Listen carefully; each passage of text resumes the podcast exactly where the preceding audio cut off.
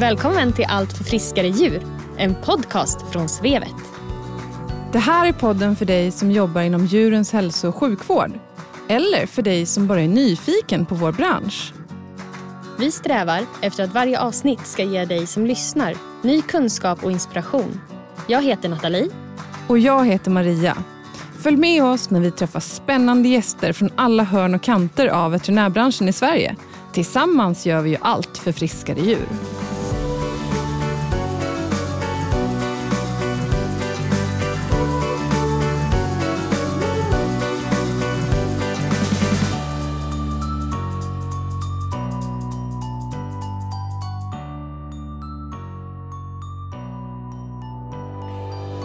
Hej Maria!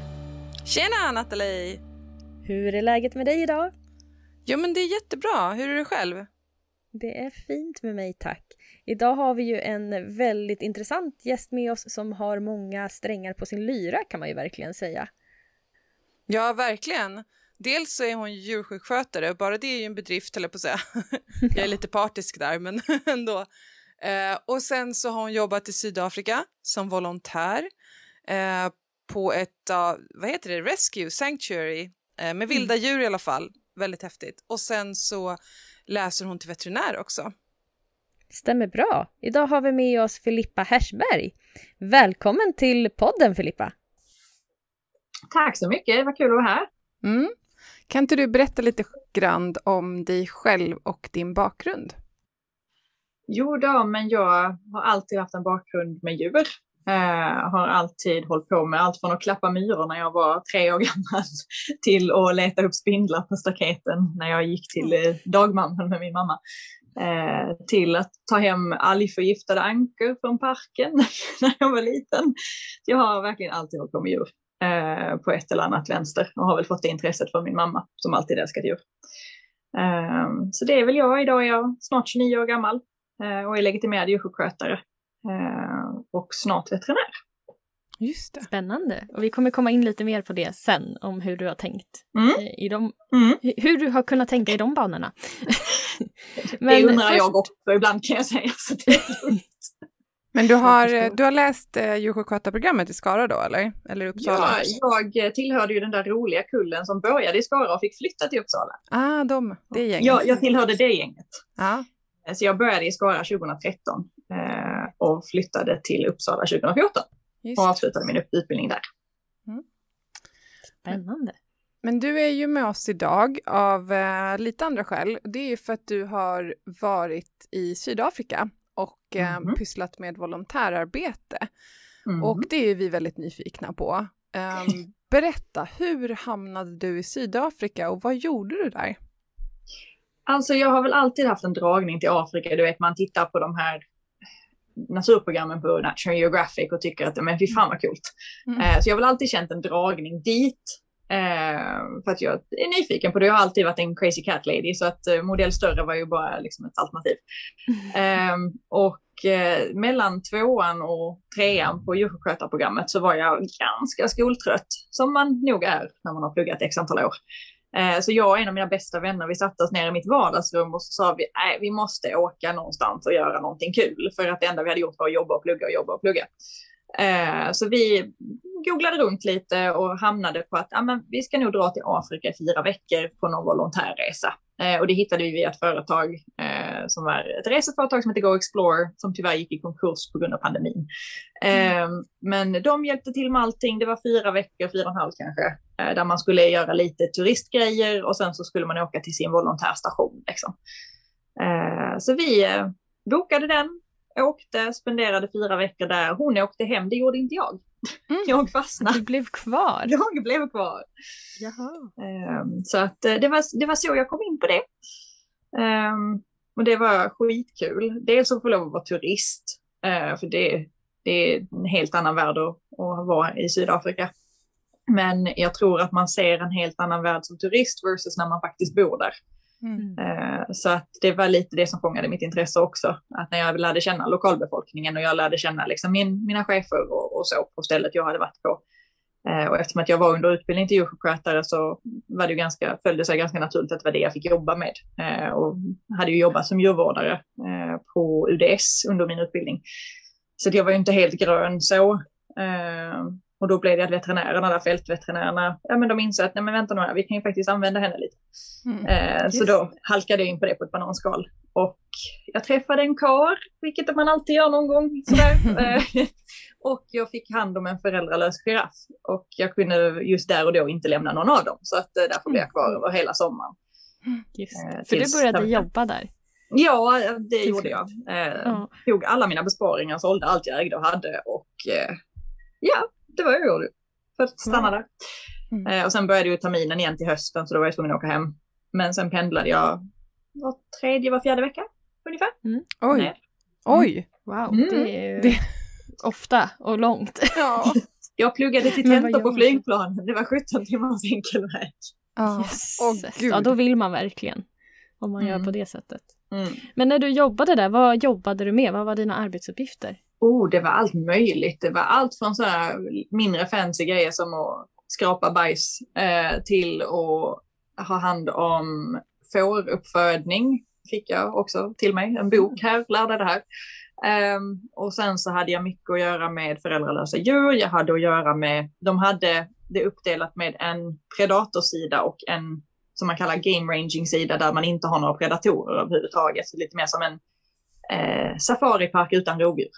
Eh, som är helt öppna marker liksom, där de går som i det vilda men all mark i Sydafrika är ägd så att de alla har liksom sitt eget.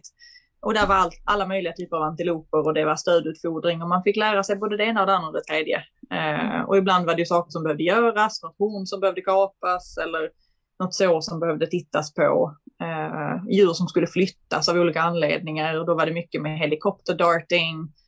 Eh, ja, det var en jävla massa och så hade jag min giraff Saheli som jag fick hand om när hon var två dygn gammal. Eh, för hennes mamma födde henne och gick och ville inte ha med henne att göra. Och hon hade sån otur så hon föddes ner i en taggbuske med sådana här jättelånga taggar så att hon eh, piercade sitt öga vid födseln. Så att vi fick plocka bort ögat på henne när hon var tre veckor gammal. Eh, mm. Så det var mycket rehabilitering där och vänja henne vid att vara halvblind när hon ändå är ett flyktdjur. Mm. Det var väldigt mycket med henne. Men hon, hon, jag brukar säga att hon är min inspiration till det jag gör. För hon, hon var speciell. Jätte... Hur länge fick du ta hand om henne? Hur gammal var hon när du slutade eh, När jag vara mamma? såg henne så var hon ett år och åtta månader. Okay. Eh, och då hade vi släppt ut henne i ett reservat eh, i det här game ranging parken liksom. Och hon fick nätdejta lite giraffer som var lite mer åt det vilda hållet som aldrig hade haft med människor att göra. Eh, och så fick hon liksom släppas ihop med en flock där så att hon fick mm. göra det hon skulle, vilket var att vara giraff. Mm. Och eftersom att hon hade ett öga bara så kunde vi inte släppa henne i det vilda vilda. Eh, för att det är inte riktigt rättvist med rovdjur om man bara har ett öga. Mm. Eh, så att jag träffade henne sista gången när jag var nere. Då hade jag inte träffat henne på tre månader. För jag ville att hon skulle få ett, en, ett avbrott från mig. Eh, och verkligen komma in i det vilda. Men jag åkte och hälsade på henne innan jag åkte hem för jag ville se att hon hade det bra och se henne i sin naturliga miljö. Och då sa de det att då hade hon börjat bli aggressiv och hon hade börjat sparka efter stödutfodra bilen och så, så som det ska vara. Det var mm, liksom, jag var glad att det var så. Så de varnade mig lite för att, ja men, var försiktig liksom. Uh, så jag lämnade min bästa tjejkompis utanför som var nere och hälsade på mig. Uh, så hon stod på bilen utanför uh, ingången till det här reservatet. Och jag gick in och hon kom springande och en liten millisekund funderade på om jag skulle bli översprungen av en giraff. Mm. Men hon blev jätteglad. Mm. Så att, eh, det var fantastiskt. Det var ett jättefint avsked. Eh, det var kul att se. Och sen så, eh, historia. Ja, och sen efter några månader så blev hon tyvärr ihjälbiten av en jättegiftig orm. Eh, hon lyckades trampa ihjäl den men blev biten i foten. Så oh, att det vet nej. Men eh, det är ju sånt som händer. Ja. Det, det är det vilda. Men du, eh, det, hur, hur uppfostrar man en giraff, höll jag på att säga. Vad, vad, vad fick du göra med den här uh, giraffen och hur, hur tog du hand om den? Det var lättare när hon var nyfödd så att säga, för då var hon i samma längd som jag, jag är 1,76. Mm. Eh, men ju äldre hon blev, desto längre ste stegar fick jag liksom skaffa mig för att kunna mata henne med nappflaska. Mm. men eh, nej, det var mycket matningar, det var mycket fixande med kolostrum och det var ju, man var ju rädd för FPT, samma som på hästar med failure of passive transport eftersom hon inte fick någon råmjölk. Eh, så det var mycket konst, alltså immunologi eh, påläsningar. Jag har aldrig googlat så många konstiga grejer i mitt liv. Um, och sen var det, jag koppeltränade henne faktiskt för att kunna lasta henne eftersom att det är så otroligt stor risk att söva giraffer med tanke på att deras hals är lång. De har ett speciellt eh, blodtryckssystem för att klara av att ha blodet hela vägen upp till hjärnan och de har ju liksom ett, ett mapp som heter duga. Eh, och därför vill man helst inte söva eller sedera giraffer för lastning. Eh, mm jag fick ju ett stipendium för att kunna skriva mitt exjobb. Jag skrev det om anestesi på chefer. För att mm. hon, hon, var min lilla inspiration till det. Mm. Eh, men så det var därför jag började koppelträna henne och träna henne på olika material, lite som man gör med hästar. Mm. Eh, så jag tänkte att jag skulle kunna lasta henne när hon, det var tid för henne att flytta ut till det här reservatet, att jag skulle slippa över henne. Och det gick. Mm. Mm. Det gick. Så det var lite sånt och lite miljöträning och hon växte upp med min hund. Eh, så de hade ganska roligt ihop. Mm. Så att, eh, ja, lite, lite att vad sa du? Vad häftigt. Ja, det, mm. det, var en upplevelse som jag inte kan eh, förklara och riktigt sätta ord på. Nej. Nej, det är nog inte så många som får vara med om det i sin karriär, att föda upp en giraff. Nej. Nej, det är väl mycket så. Har du någon annan sån här saftig historia eller upplevelse som du har varit med om som du kan berätta om? Ja, den är väl lite relaterad. Bara för att ge oss lite inspiration. Ja, nej, men det är väl lite relaterat till att människor som inte håller på med vilda djur ska ge fasen i att ha dem som husdjur. Mm. Eh, vi fick in en mm. leopardunge på tre och en halv ish månad eh, som hade varit någons husdjur och mm. bara ätit köttbullar och kattmat. Eh, och, hade ingen, och sen kom de på att det är lite jobbigt att ha en leopard hemma i lägenheten. Mm. Så han var ju såld på svarta marknaden liksom. Så han, han hamnade hos mig och han var livrädd för människor, vilket är ganska tacksamt. Men efter ett tag så vann jag hans förtroende och han var i samma ålder som min hund var då. Eh, och min hund var ensam i sin kull också, i, eller där och då, de andra valparna hade flyttat. Så att jag satte faktiskt ihop dem, eh, tre månader gamla ungefär. Eh, så att eh, jag lärde den här leoparden att ja, han, jag, jag sköt duvor och band i snören och eh, cirkulerade med som små helikoptrar så att han skulle lära sig jaga. Mm. Eh, och fick lära honom att äta kött liksom, eh, från början. Och eh, det, det, var ganska, ganska kul. Han var en utbrytarkung av stora mått mätt. Jag kommer ihåg någon gång han hade, hans inhägnad var trasig så de hade bestämt sig för att laga den och jag visst tänkte inte mer på det så jag gick in på eh, eh kontoret på toaletten. Eh, satte mig på toaletten och så är det, bredvid, bredvid den toaletten så var det liksom en eh, stor duschvägg, kabinsvägg. Där inne hade de glömt nämna att de satte min leopardhanne. Och då var han fem, sex månader gammal och han hoppade uppifrån duschkabinsväggen i takhöjd ner i mitt knä när jag satt på toa. Nej, eh, så jag kan säga att det var väldigt tur att man redan satt på toaletten, annars hade man nog behövt byta byxor. Um, men det, det, är också en sån här rolig grej. Det, men det, det, har ju sin grund i tragiken att folk skaffar vilda djur som husdjur. Mm. mm. Är det vanligt förekommande eller var det liksom en engångsföreteelse så? Där? Det, det är jättevanligt förekommande. Mm. Eh, det är jättetråkigt och det är alltså många, det är det, en liten varning också på att många vill volontärarbeta med vilda djur. Det är jättebra. Men en röd flagg på att får man hantera djuren så är det inte ett optimalt ställe. Nej. Eh, absolut under en period, så som jag har gjort. Men det är inte, djur ska inte vara människotama. Nej. Det är inte poängen. Och många av de volontärställena som liksom annonserar om att ja, men kom hit, du kan få gå på lejonpromenad, du kan få gå klappa de här, du kan få flaskmata det här. En röd flagg på det. Mm. Eh, och det ska man vara väldigt försiktig med, för det är oftast de som lockar med fina bilder och hela den biten. Eh, mm. Så det ska man vara väldigt uppmärksam på.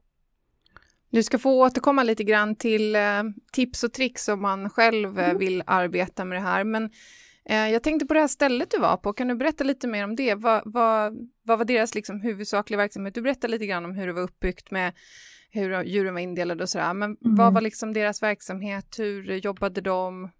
de hade lite blandad verksamhet. Det var ju en, en privatägd farm eh, som både var liksom grödor och kor och hela faderuttan. Eh, och så då vilt på sitt håll. De hade mycket samarbete med lokala skolor mm. eh, för utbildning av de unga. Eh, och det var en otroligt viktig aspekt för att jag blev väldigt förvånad över hur många barn som, in, som ändå är födda och uppvuxna i Sydafrika som inte vet skillnaden på en lejon, ett lejon och en tiger. Mm. Eh, så det var väldigt mycket skolklasser och det var väldigt mycket information. Eh, sen var det även liksom att folk kunde hyra lokal där och ha bröllop eller sådana grejer. Eh, för det var en otroligt vacker plats. Um, och de hade säkerligen saker som jag i efterhand tänker att mm, där borde finnas en röd flagg på det också. Mm. Eh, det är väldigt svårt att hitta ett perfekt ställe. Mm. Men merparten av det de gjorde, även om det kanske inte alltid var för individens bästa just där och då, så den, the big picture blev väldigt bra för att de nådde ut till väldigt, väldigt många. Mm. Eh, och det var, deras grund var ju lite att om barnen växer upp med kunskap och respekt för sitt lokala wildlife så kommer de hjälpa till att skydda det. Mm. Versus om de inte kan någonting om det så är det bara någonting som händer där borta. Så att um, det, det var en väldigt viktig aspekt. Mm. Och hur kom djuren dit? Alltså de som ni liksom rehabiliterade och hjälpte, hur, det var hur kom de ofta, dit? Det var ofta mm, någon som ringde och sa, ja men vi har hittat det här, eh, lokal polis eller eh, någon som bara hörde av sig, hej jag vet att ni har sådana här djur, jag har det här, finns det någon möjlighet att ni kan ta över? Det var lite blandat. Okej. Okay. Så det var som omplaceringshem ja. slash viltrehab ja. slash djurpark. ja, e, e, exakt. Lite blandad kompott. Ja. Verkligen. Eh, okay. Så det, det var ett stort kontaktnät tror jag. För att i de samhällena så behövs det att man har, ja, men man har kontakter. Och det var ju många lokala farmare som har mycket kor. Eh, och när de hittade döda individer i sina fält eh, så ringde de oss och sa att men, ni kan, om ni tar bort den härifrån så får ni den som lejonmat. Mm. Så det var ett stort samarbete däremellan också. Just det. Ja, det är lite andra djurslag och så än vad vi har och är vana med här i Sverige. Ja. Men har du någon gång jobbat i Sverige på en vilt rehabsanläggning? Jag gjorde min praktik gjorde jag på Nordens ark eh, utanför Lysekil. Eh, och då jobbade vi mycket med, jag jobbade mycket med en persisk leopard som heter Filou eh, och hans partner. Eh, som nu faktiskt har flyttat till ett eh, avelsprogram i Sibirien, Ryssland någonstans och deras unga kommer att bli utsläppta i det vilda. Mm. Eh, så att det, här jobbar vi väl mycket mer, i alla fall de gör, de jobbar mycket mer med avel mot frisläpp än vad man gör i Sydafrika. För i Sydafrika får du inte släppa ut djur som har haft hand, liksom kontakt med människor. Mm. Eh, och här satsar man väldigt mycket på att de ska upp, födas upp så att de kan släppas ut, i alla fall i något led. Mm. Eh, och i Sverige är det helt förbjudet att ha kontakt, närkontakt med, med stora predatorer. Alltså även de tigerskötarna som jag träffade som hade fantastisk relation med, med sina djur. De skulle aldrig gå in till dem, för det, det finns inte här. Nej, precis. Men, och sen har jag ju eh, efter det har jag även blivit eh, viltrehabare via KFV. Så mm. jag har gått deras viltrehabskurs med lokalt wildlife. Mm. lite, min, mm. lite mindre djur, men... ja. ja, precis. Men eh, dina arbetsuppgifter då? För du var ju nästan färdig djursjukskötare då när du åkte, mm. eller du var två tredjedels färdig. Um, och då det snappade de upp då. Vad, ja. vad fick du jobba med liksom därför, eller om man säger, vad, fick du några särskilda uppgifter därför eller hur, hur ja. såg det ut? Jag var oftast, de har ju inte veterinär på plats utan de har, som man skulle kunna jämföra med oss, en distriktare liksom, som man ringer mm. ut vid behov. Och oftast har de ju ringt honom även när det har varit onödigt och nu blev det liksom lite upp till mig att bestämma om vi skulle ta in en distriktare eller inte. Mm. Eh, så jag hade en hälsokoll på alla djuren varje morgon, tog fyra och en halv timme att gå runt och kolla vartenda djur. Mm. Eh, och du vet om man upptäckte någon hälta eller om man såg att någon mådde lite tjuvtjockt så hade man ett öga på det och skrev ner alla journaler och, och så, för alla djur hade sina egna journaler. Mm. Eh, och så hade jag, så fort veterinären var på plats av någon anledning så var det mitt ansvar att hjälpa till att söva och eh, hålla på med dartguns och eh, blåsrör och God knows what. Eh, och vi höll på mycket med och vi kollade ju, könstestade ju hyener eftersom att både eh, hanarna och honorna har manliga könsorgan mm -hmm. på hyenor. Mm. Så du kan inte bara genom att titta på dem säga att mm, oj, nej men den där har en penis, den, det är en hane. Nej. Eh, så då måste du ta lite DNA-test och du mm. tar blodprover och så för att kolla. Mm. Mm. Eh, och det är även ett stort projekt där nere att eh, lyckas avla på eh, cheetahs, vad fan heter det, geparder på svenska. Mm. Eh, och därför höll vi på mycket med gentesting på dem. Eh, okay. Och då var det också mycket sedering eh, och, och blodprovstagning och sådana grejer. Mm. Kunde du applicera dina djursjukskötarstudier någon gång i volontärarbetet? Fick du ja, gud ja. Dem? Gud ja. Det, jag kan säga att jag hade inte överlevt där utan dem. Mm. Eh, men det är alltså bara vanan av att ta blodprov. Eh, för i fält, det är inte så att du står och rakar djuren för blodprov, utan mm. där är det ju verkligen, du, du sticker och så är det bra med det. Mm. Eh, och sen så någonting man får tänka på, när, särskilt om man är utbildad i Sverige, är ju att det funkar inte likadant utomlands och det, man måste liksom ta allt det där fina hygientänket som man har lärt sig på våra fina utbildningar och stoppa det i en liten låda, lägga locket på och stoppa in den i ett skjul. Mm. För att eh, det, du, du kommer att bli koko i huvudet om du ser alla fel som görs. Mm. Och man måste lite ta sig den dit man kommer. Det är klart att man kan försöka poängtera att man kanske inte ska använda dropp som har varit öppnat i åtta månader. Mm. Men man får ändå tänka på att de gör det saker på sitt sätt. Och att man inte bara kan komma dit och domdera. Mm. Men är de mottagliga för att förändras lite grann? Eller ibland, tvärstopp? Ibland, om man, kunde, om man inte bara sa att det där är fel, utan mm. faktiskt kunde säga gör så här istället och påvisa en vetenskap på det, eh, så brukade det gå ganska bra. Men visst, jag, träffade, jag jobbade med veterinärer som var i 80-årsåldern och hade jobbat i fält hela sitt liv. Mm. Där säger man inte så mycket. Eh, där bara nickar man och så säger man ja, absolut. Och de pratar inte engelska heller. Mm. Eh, de pratar ju mestadels afrikans. Mm. Eh, de äldre veterinärerna. Så det var ju bara Speedy Gonzales lära sig ett nytt språk och jobba mm. på det språket. och du lärde dig språket? Ja då. Ja, ja då. Häftigt. Men det är, väl, det är väl så även när man kommer till um, alltså, ordinär ska säga, veterinärverksamhet i många andra länder, att det vi ligger ju ganska långt fram i vårt, framförallt mm. kanske med hygientänk mm. och, och sådär. Och att även om man ja. kommer till ett helt vanligt djursjukhus så kan det ju vara lite så eftersatt med det. Ja, verkligen. Det, det ser jag ju bara nu i Polen. Det, de vet ju inte riktigt vad handskar är alltid heller. Och då får man lite nervsammanbrott. Mm. Men eh, man får bara andas och inse att man inte är i Sverige. Ja, mm. men eh, fick du syn på liksom någonting av den så säga, vanliga veterinärvården i Sydafrika? Fick du någon inblick i hur det funkar eh, på djursjukhus och vanliga veterinärkliniker och så? Ja, inte så mycket djursjukhus mer än, ja, jo, jag var på deras universitetsdjursjukhus i Pretoria eh, med min egen hund, eh, en av mina hundar, eh, som gjorde en CT. Ehm, och det var, funkar precis som här. Väldigt mm. professionellt, väldigt ehm, ja, men up to date med allting. Maskinerna var i toppskick, eh, kompetensen var fantastisk. Eh, och du vet, det var lika mycket med liksom ägarkommunikation, det var normala journalsystem online. Så. Eh, mindre klinikerna hemma vid, jag hade en lokal veterinär som jag fortfarande samarbetar en del med, eh, som har en liten en, enmansklinik där han gör allt på samma bord. Mm. Eh, och du vet, vi hade lite portabel ultraljudsmaskin och vi höll på lite med min andra hund när han var liten och dålig.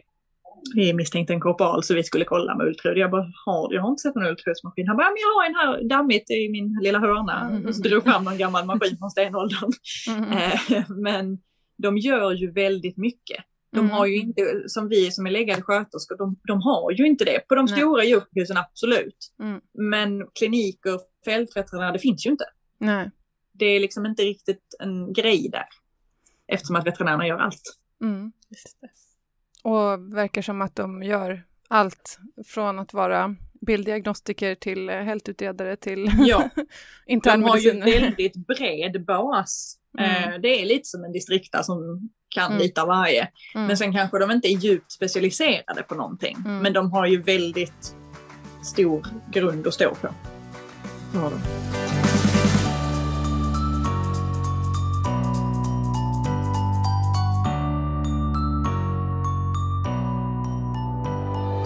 Du verkar ju vara lite av ett plugghuvud om man får säga så. Du har lärt dig nytt språk, du har läst till djursjukskötare och nu läser du till veterinär, eller hur? Ja, ja. Hur kommer det sig? Just nu ifrågasätter jag det själv. Men eh, jag sa en gång när jag tog, tog examen från djursjukskötarprogrammet att om jag någon gång får för mig att plugga någonting igen så skulle någon kasta ner mig från klippa. Eh, mina kära vänner påminde mig om detta häromdagen. Men eh, mm. nej, jag insåg ju att eftersom, precis som jag beskrev, veterinärerna i Sydafrika gör allting själva. De har inte behov av en sköterska mm. på det sättet. Och jag vill jobba i Sydafrika, jag vill jobba med vilda djur. Det är fortfarande ditt mål alltså? Ja, det, det är det. Mm. Det är i alla fall på halvtid, beroende på hur min utopiska värld ser ut i framtiden. Men mm. jag insåg att om jag ska kunna jobba på det sättet jag vill med de djuren jag vill, så måste jag vara veterinär också. Sen skadar det inte vara sköterska med anestesikompetens, men mm. jag tror att det lägger en bra grund för att kunna göra det jag vill. Mm. Okej, okay, så det är det, det är det som är motiveringen, liksom, att du vill åka ja, ner? Mm. Absolut. Så... Har du hunnit jobba som djursjukskötare någonting i Sverige under? Ja, oh, gud ja. Jag, du har hunnit så... göra det? Ja, jag jobbar, jag har jobbat sedan 2016, så var jag nere av och till där under utbildningen. Jag flyttade 2016 efter examen. Jag jobbade sommaren på västra Göteborg och sen så eh, flyttade jag efter den sommaren till Sydafrika. Eh, och var, hem, var där i typ ett år, eh, give or take. Och sen så sen 2017 har jag jobbat som djursjukskötare på stora djursjukhus och nu senast inom ortopedi på en liten klinik utanför Malmö. Mm, okay.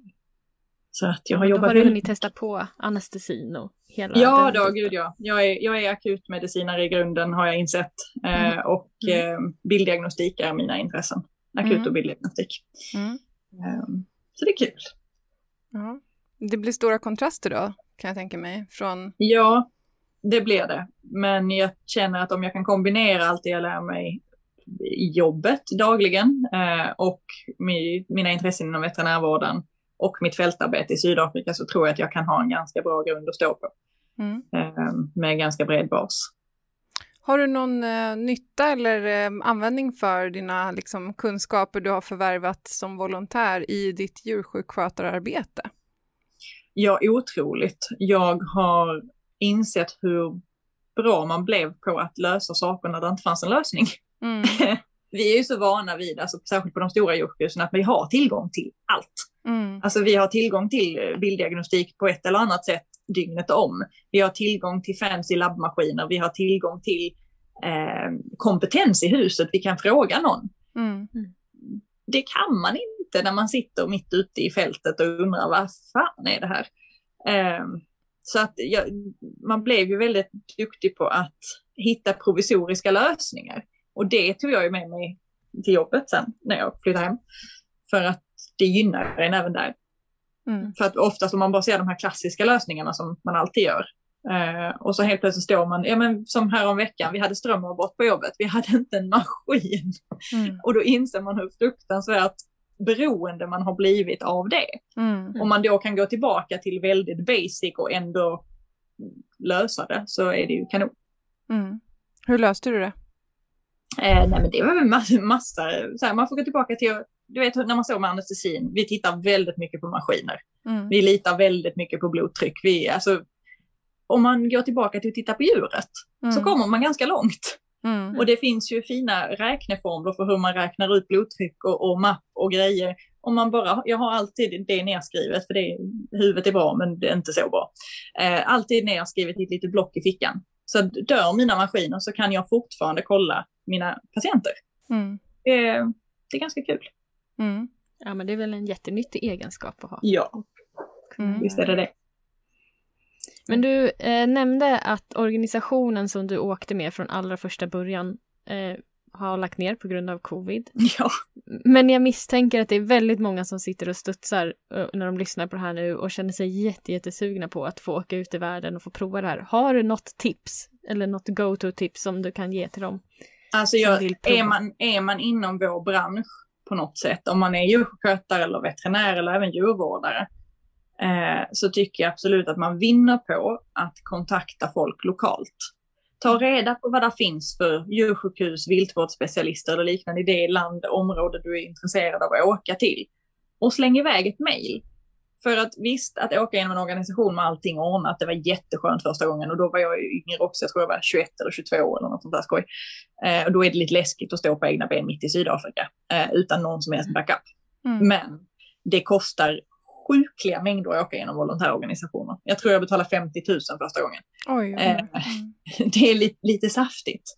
Mm. Så att jag tror att man vinner väldigt mycket på att kontakta folk lokalt och förklara vem man är, vad man har för kunskaper eh, och sen så att man inte förväntar sig att få lön för det, för det är många gånger det kostar snarare än att man kan få lön för sitt arbete. Mm. Men, eh, och att man kontaktar liksom folk som inte promotar sina hemsidor med gulliga lejonungebilder i famnen på folk. Mm eh, och prata konservationsfolk, conser conservation, wildlife conservation i Sydafrika. Ursäkta, hunden petade på datorn. Ja. Eh, då, då kommer man långt. Mm. För de människorna, även om de kanske inte kan erbjuda dig någonting specifikt, så vet de alltid någon som kan.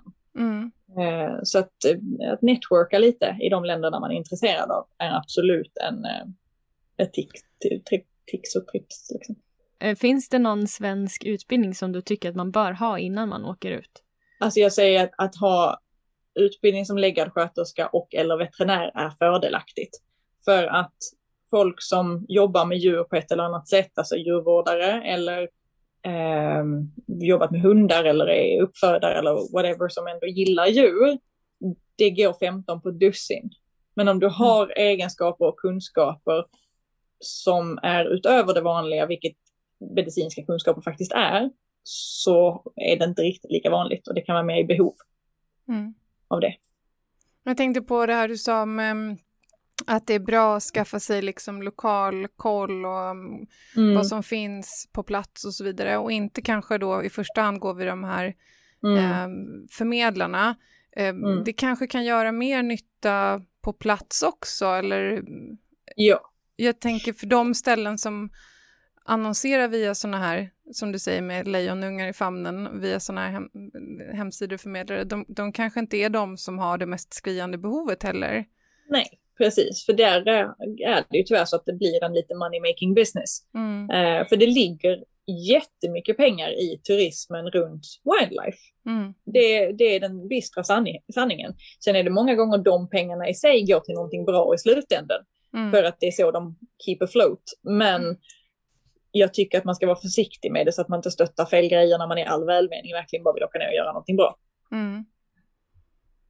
Och, och de ställena som gör det, så att säga, alltså om man vill liksom, man vet, okej, okay, jag vill jobba med just viltrehabilitering eller jag vill jobba mm. med um, den typen av liksom arbete, de, de, har de lokala nätverk liksom knutna är de knutna till lokala nätverk som, de kan, som man kan då hitta?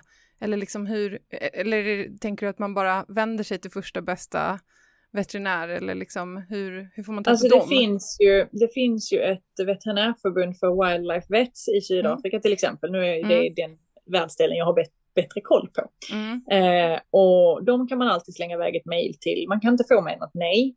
Eh, och sen så kan man tycka att man ska kolla in att man inte snöar in sig bara på veterinärvården utan att man snöar in sig lite mer på conservation work. Mm. Eh, och därmed får man en bredare bas av kontakter mm. och kan mejla. Liksom, det finns de som håller på med rhino conservation med eh, noshörningar och gör ett fantastiskt arbete i, med, de kanske behöver hjälp med anestesiövervakning när deras veterinär kommer ner och ska dehorn, eh, ta bort hornen på noshörningar för att minska risken för tjuvjakt. Mm. Eh, sådana grejer kan man satsa på. Det, kan, det är inte så att man står med händerna i medicinskt arbete 24-7 när man är där nere. Många gånger är det väldigt basic grejer som att skyffla skit eller vara med mm. ute och spåra en noshörning i 12 timmar. Mm. Men allt det är otroliga viktiga pusselbitar för att komma någon vart. Mm. Ja, spännande. Jag tror det är många som hittar inspirationen i det här samtalet. Mm. Vad kul, för det, det, är verkligen en fantastisk värld att, att vara i. Um, men det, det, är väldigt mycket nytt. Mm. Det är väldigt, uh, ja men det, det, det är en annan värld. Det är verkligen en helt annan värld. Och det är väl ändå häftigt eftersom djuren har funnits så länge mm. och ändå vet vi mm. inte allt. Mm. Ja men precis. Vad ska du jobba med när du kommer dit igen? Vet du det redan eller håll, är det öppet? Det är väldigt öppet, men jag tror att jag hamnar i Sydafrika i slutändan. Eh, jag har sagt, jag har lovat min hund att jag inte ska flytta till Sydafrika så länge han finns. Mm. Eh, för att han har redan bott där och flyttat hem med mig med 30 timmars flyg. Det var lite taskigt. Mm. Eh, så att det är därför jag utbildar mig nu med det jag har honom. Mm. Men sen är väl tanken att hitta ett djursjukhus i Sverige och jobba inom akutmedicin och bilddiagnostik mm. eh, halvtid. Och andra halva, halvan av året åka ner eh, och jobba med en fast organisation förhoppningsvis i mm. Sydafrika. Eh, och jag har ju mitt intresse i giraffer eh, specifikt eh, och även kattdjur och, och noshörning.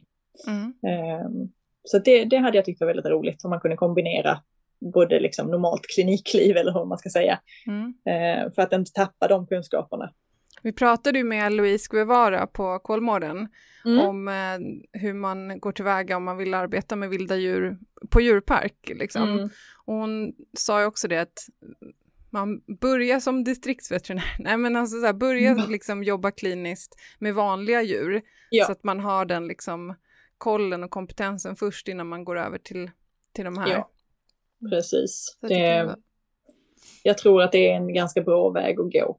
Eh, mm. för att om du bara slänger in dig i wildlife med från början så tror jag att du tappar väldigt mycket baskunskaper. Mm. För att man gör inte allt på vilda djur. Just det. Vilket man också ska ha i åtanke om man vill jobba med vilda djur, att det inte är sunshine and roses alltid. För att många gånger får man avliva djuren fastän man, hade det varit en hund hade man gjort någonting. Mm. Men för att man ska se till välbefinnandet av ett vilt djur så kan man inte jämföra det med vad man hade gjort för sin egen hund.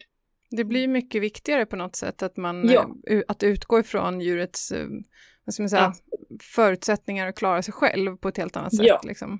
precis. Du skulle ju liksom aldrig amputera ett ben på en giraff.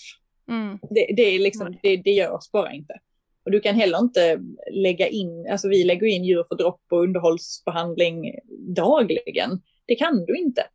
Mm. Det, och det är också en risk med att alla djur som du hanterar som är liksom stora rovdjur, du måste sedera dem. Mm. Och du måste söva dem oavsett bakomliggande orsak om du ska kunna behandla dem för någonting. Det, och så länge du liksom inte har tränade djur på ett zoo som ändå kan acceptera vissa procedurer, vilket är fantastiskt du kan ju träna en giraff och acceptera ett blodprov på, mm. på zoo, men du kan inte träna en giraff i det vilda i Sydafrika och komma fram och säga hej, stick mig i halsen, det är helt okej. Okay. det blir inget bra. Nej. Nej. Hur eh, resonerade du kring um, ögat eh, ur den aspekten på din lilla giraff? jag försökte väldigt länge. Vi försökte med antibiotikadroppar, vi försökte med liksom normal djup perforerande hornhinnesårbehandling om, om man ska liksom ta det så. Eh, och vi höll på i tre, fyra veckor. Eh, men det blev bara värre. Mm. Och det, det var inte snällt, hon hade så ont. Eh, så då var det lite så här, då stod vi i valet om vi skulle ta bort henne eller om vi skulle chansa att ta bort ögat. Mm. Eh, för att vi fick ju avgöra vad som hade funkat för henne. Men nu visste vi ju liksom att vi hade ju möjligheten att släppa henne i ett reservat där det inte är rovdjur, mm. där hon får stödutfodring under de jobbiga månaderna. Eh, och då kändes det mer grundat att prova att mm. ta bort ögat på henne. För hon var ändå en, eh, kom från bra linjer liksom avelsmässigt och kunde absolut tänkas i framtiden få en kalv som skulle kunna fortsätta det programmet. Mm. Eh, nu blev det inte så på grund av en orm, men Mm. Det var det som låg till grund för att vi ändå valde att ta bort ögat på henne. Mm. Just. Men då hade ni ändå den diskussionen? Ja, ja. Och hade jag tyckt där och då att det inte var, att det inte var till hennes fördel så mm. hade jag yrkat på att vi skulle ta bort henne. Mm. Hur jobbigt det än var för mig, för det där var min bebis. Men mm. man måste se till vad de har för liv efter det man gör. Ja, det är mycket att ställa in sig på när man ja. ska iväg och jobba sådär. Det är Visst mycket är som är annorlunda men ändå som är lite lika också. Ja, det är många paralleller. Ja, ja, verkligen. Det var jätteintressant att få lyssna på dig. Och vi har en fråga som vi avslutar med varje gång som vi ställer till alla våra gäster. Mm. Och det är ifall du har någon särskild person eller något särskilt ämne som du skulle vilja höra om i den här podden. Har du hunnit fundera på den? Ja, jag funderade lite på den. Person så är jag inte sådär jätte pinpointad på. Men jag hade tyckt det var sjukt intressant att höra från någon som har jobbat både, alltså veterinär eller sköterska som har jobbat både i USA och i Sverige. För att i USA gör man så himla mycket mer än vad man gör i Sverige många gånger. Mm. Eh, rent, eh, alltså våra husdjur som man ser till den, den aspekten. Mm. Och jag hade velat, eller tyckte det var intressant att höra hur man rent, ja men hur man tycker om man är svensk och har liksom utbildat sig antingen där eller här och har båda sidor. Eh, Mm. för att jag vet att det är väldigt ofta uppe till diskussion eh, på, på djursjukhusen och så att ska vi göra det här? Ska, är, det, är det etiskt? Eller Mm. medan man i USA kanske gör allt utan att blinka många gånger. Mm. Och det, det hade varit lite kul att få de, de grejerna jämfört. En lite etisk diskussion kring Ja. det. Ja. Alltså till exempel rullstolar på hund. Eh, I Sverige är det ju ganska frowned upon, medan det i USA är ganska vanligt. Mm. Så Mm. det hade varit kul. Det hade varit en intressant grej. Spännande. Det, det tycker jag också. Jag tycker det är superintressant att jämföra så här mellan olika Mm. liksom, länder och kulturer och världsdelar på något sätt. För att det är verkligen, det är precis som du säger i det här med när man kommer ut och jobbar. Um, så, så som du har gjort också, liksom det här att det är så mycket som man har lärt sig som på något sätt ställs på ända och man fattar att okej, det, de gör inte så överallt. Nej, är Det liksom- finns andra sätt att göra saker Det finns på. Sen hur andra bra det är, det, ja. det funkar, men det kanske inte alltid är det mest etiska. Mm, Eh, I alla fall inte enligt våra ramar. Sen är det ju, precis. man får liksom vara beredd på att andra människor från andra länder har andra ramar och andra liksom grunder än vad vi har. Verkligen. Så det är väldigt intressant. Mm. Verkligen. Tack snälla Filippa för att vi fick prata med dig. Ja, men tack för att ni bjöd in mig, det var väldigt trevligt. Tusen Om man tack. skulle vilja komma i kontakt med dig, hur gör man då? Eh, jag har en mail som jag kan, eh, jag vet inte om ni har någonstans ni kan lägga ut den. Så kan jag i så fall, eh, absolut. Om den inte är krånglig. Så. den är inte krånglig, jag lovar. Så kan de alltid, det är alltid bara att skicka ett mail så, kan jag, så svarar jag i den mån jag hinner. Ja, om det är någon som är nyfiken på Ja, ja. Liksom hur, och själva skulle vilja åka iväg och som du sa, göra det du gör. Ja men precis, nej men absolut, jag, jag, jag svarar ganska ofta på mail. Så det, jag kan skicka den till er så är det bara att lägga ut den. ah, då lägger vi ut den i texten till det här avsnittet. Perfekt. Bra, tack snälla! Tack själva. Och om man vill komma i kontakt med oss, Nathalie, hur går man tillväga då? Då gör man precis som vanligt. Man mejlar oss på podcast.svevet.se och sen får man ju faktiskt inte missa att följa oss i sociala medier också. Där heter vi kort och gott Svevet överallt. Ha det så bra så länge så hörs vi i nästa avsnitt. Det gör vi. Hej då! Hej då!